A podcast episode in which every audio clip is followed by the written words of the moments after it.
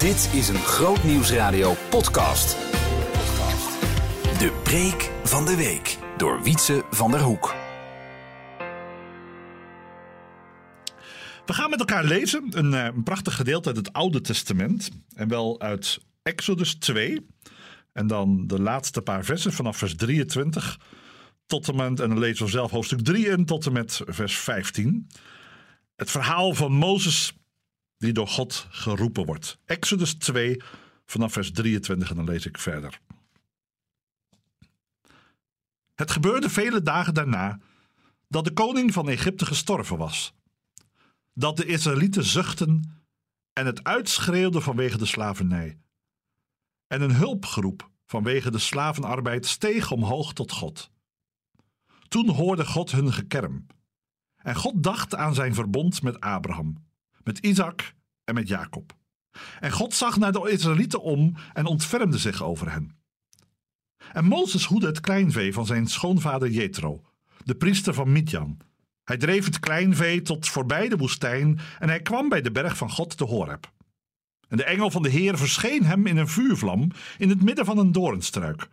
Hij keek toe en zie, de doornstruik brandde in het vuur. Maar de doornstruik werd niet verteerd.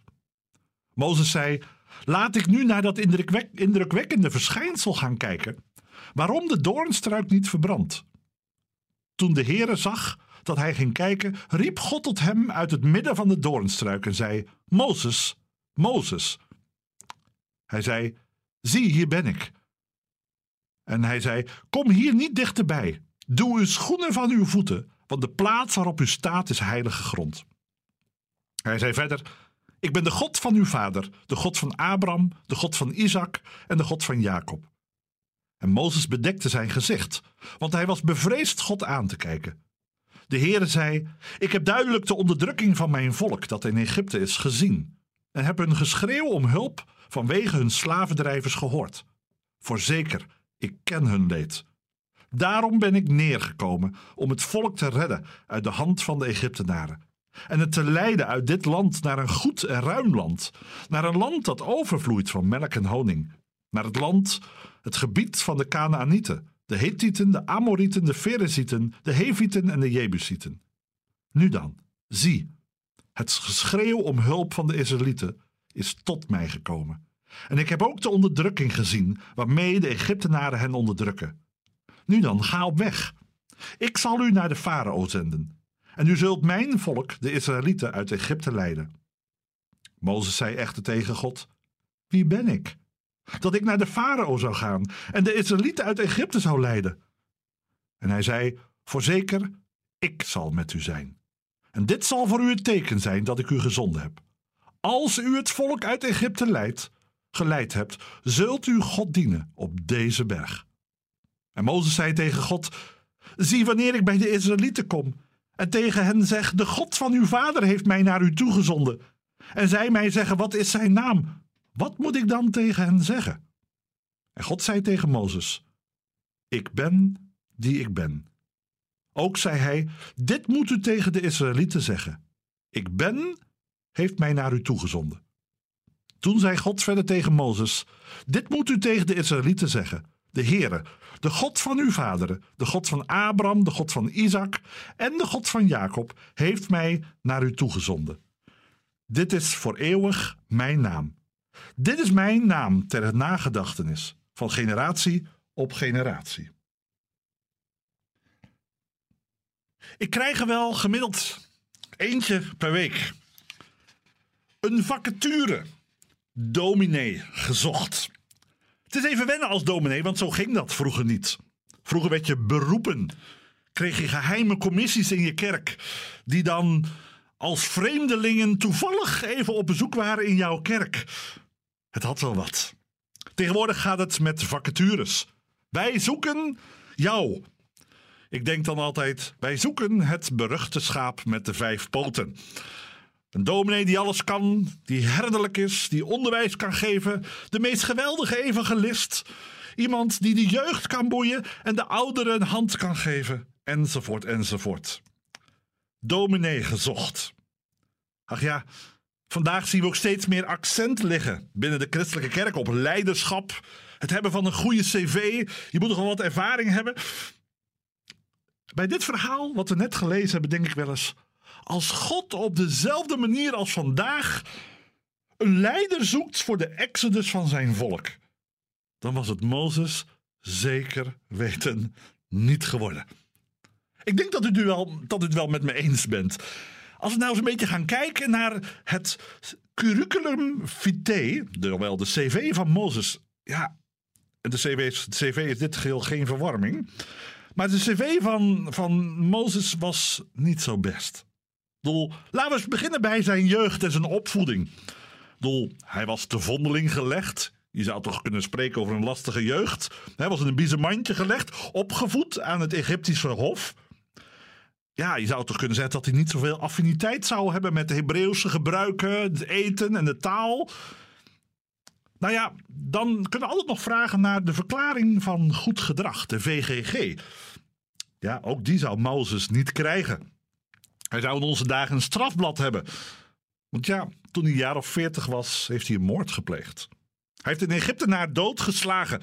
Die een, een van zijn mede-landgenoten gruwelijk onderdrukt heeft. Hij is zelfs gevlucht voor de straf. Hij heeft niet gezeten. En op dit moment van schrijven is hij zoiets van ondergedoken in de wildernis. Mozes. De perfecte leider met een vraagteken? Inmiddels woont hij bij Jethro, ook wel Reuel genoemd, priester van Midjan. Hij trouwt met de dochter van Jethro na een behulpzame, gewelddadige actie op herders. Lees maar eens na in Exodus. Kortom, het verwende jongetje aan het hof van Egypte is nu een schaapsherder. Een leven in tegenstelling van datgene dat was. Een verhaal wat hier begint vanuit de wildernis. De verlorenheid, de eenzaamheid. We lezen in het eerste vers van Exodus 3 dat hij herder is en voorbij de woestijn het kleinvee gedreven heeft. In onze ogen ongeschikt. In Gods ogen, zet het vinkje maar, geschikt. Vandaag zou Mozes zijn afgekeurd. God denkt, met jou kan ik verder. Want als Mozes zo ver mogelijk weg in de woestijn gedoken is, in de buurt van de Horeb, en dan zit je echt in het middelpunt van dorheid en droogheid, dan verschijnt God. En we zien in vers 2 dat de engel van de Heere verscheen in een vuurvlam. Mozes wordt voorbereid. En God begint bij het kleine om bij het grote uit te komen. Het kleine, onbehoorlijke, onvermogende heeft als kracht in zich dat God aan het werk kan gaan. Mozes heeft alles afgelegd.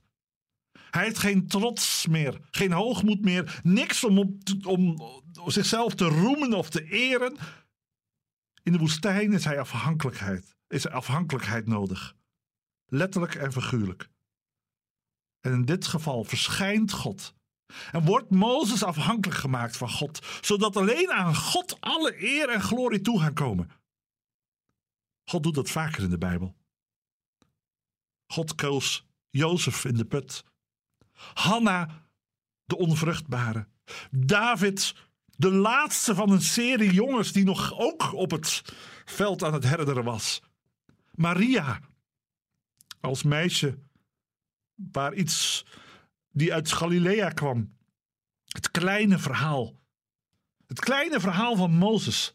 Het zegt iets over het, wat God doet met het Israël. Weet je, de omstandigheden van Mozes? Het begon allemaal mooi. Het was prachtig in Egypte. Hij is opgevoed aan het Egyptische hof. Eten, drinken, lezen, schrijven, misschien, ik weet het allemaal niet.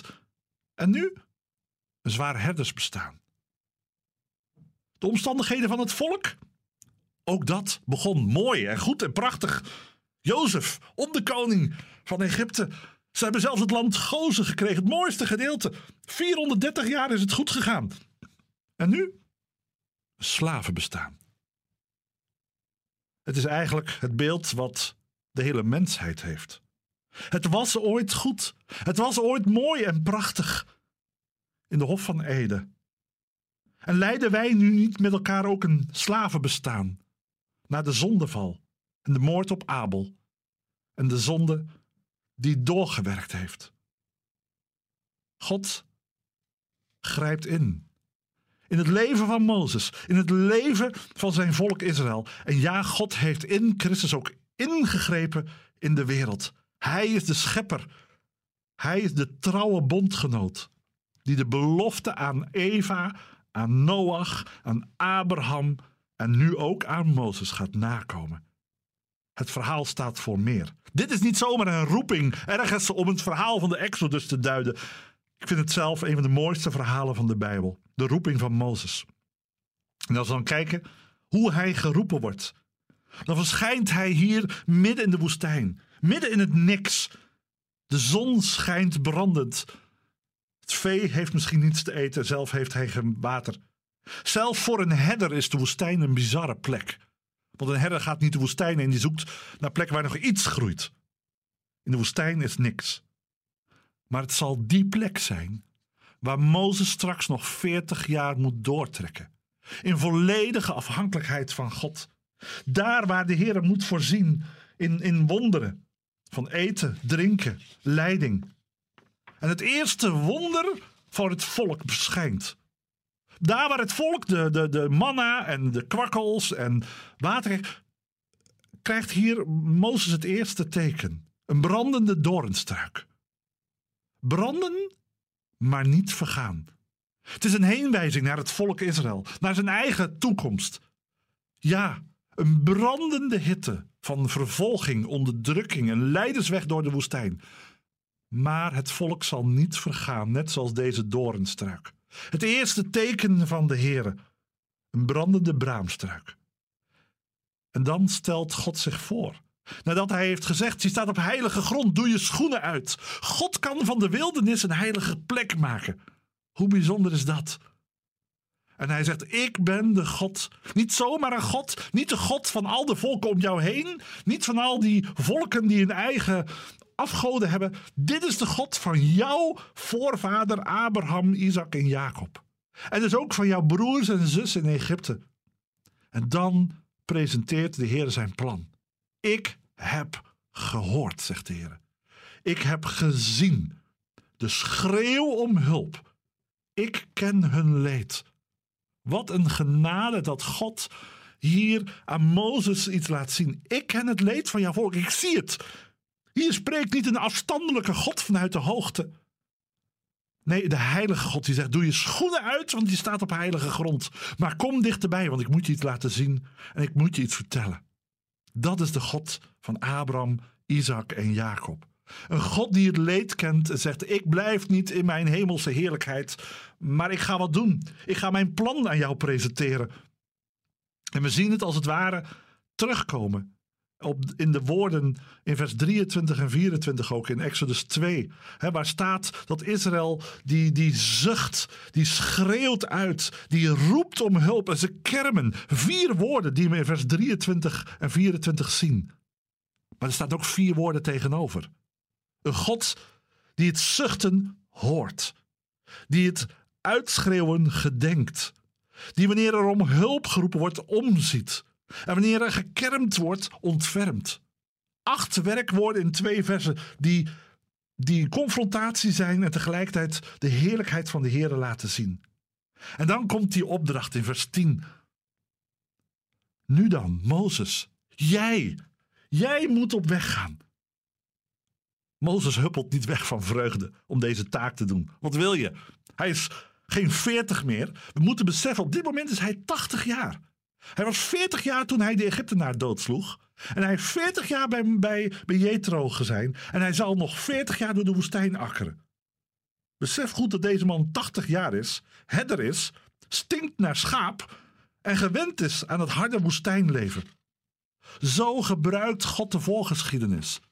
En ja, dan kan je vanuit Mozes de vraag stellen: wie ben ik? Dat doet hij ook in vers 11. Wie ben ik dat ik naar de farao zou gaan? Wie ben ik dat ik de Israëlieten uit Egypte zou leiden? Heren, zeg het me.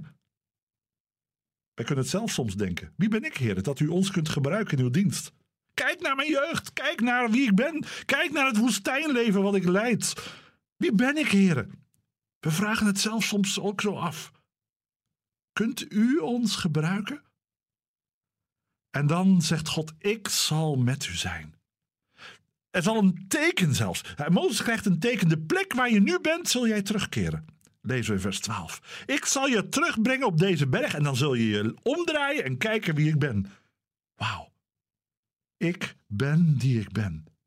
Het zijn dezelfde woorden die Jezus ook zegt als hij weggaat naar de hemel. Ik ben met u alle dagen tot aan de voltooiing van deze wereld. Wie ben ik en wie bent u? Twee vragen die in dit gedeelte naar voren komen. En als wij naar onszelf kijken, dan moeten we met Mozes beleiden: Ja, heren, wij zijn ook die schuldigen. Ja, wij zijn die zondaren. Ja, wij weten van deze wereld niets te maken dan een woestenij. Ja, Heer, ik heb veel op mijn kerfstok. Maar als wij ons verootmoedigen en leegmaken en beleiden wie Hij is, en eerlijk zijn over wie wij zijn, als wij ons vernederen, zal Hij ons verhogen. Als wij ons hart leegmaken, dan zal Hij het vullen. Hij zegt: Ik zal doen. Ik ben. Ik zal zegenen. Zeg dat maar tegen je volk. Zeg dat maar.